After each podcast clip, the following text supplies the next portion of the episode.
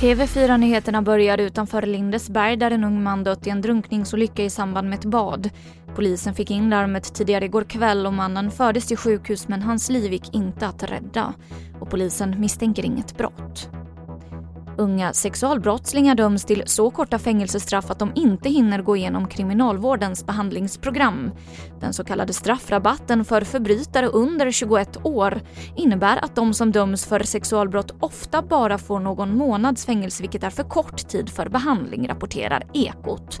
Och kriminalvården ser nu över behandlingen för att se om programmet kan kortas eller slutföras i frivården efter fängelsestraffet.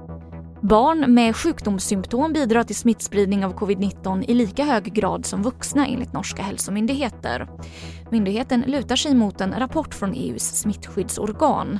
Däremot så står rapporten fast vid att barn oftare får en mildare eller asymptomatisk infektion.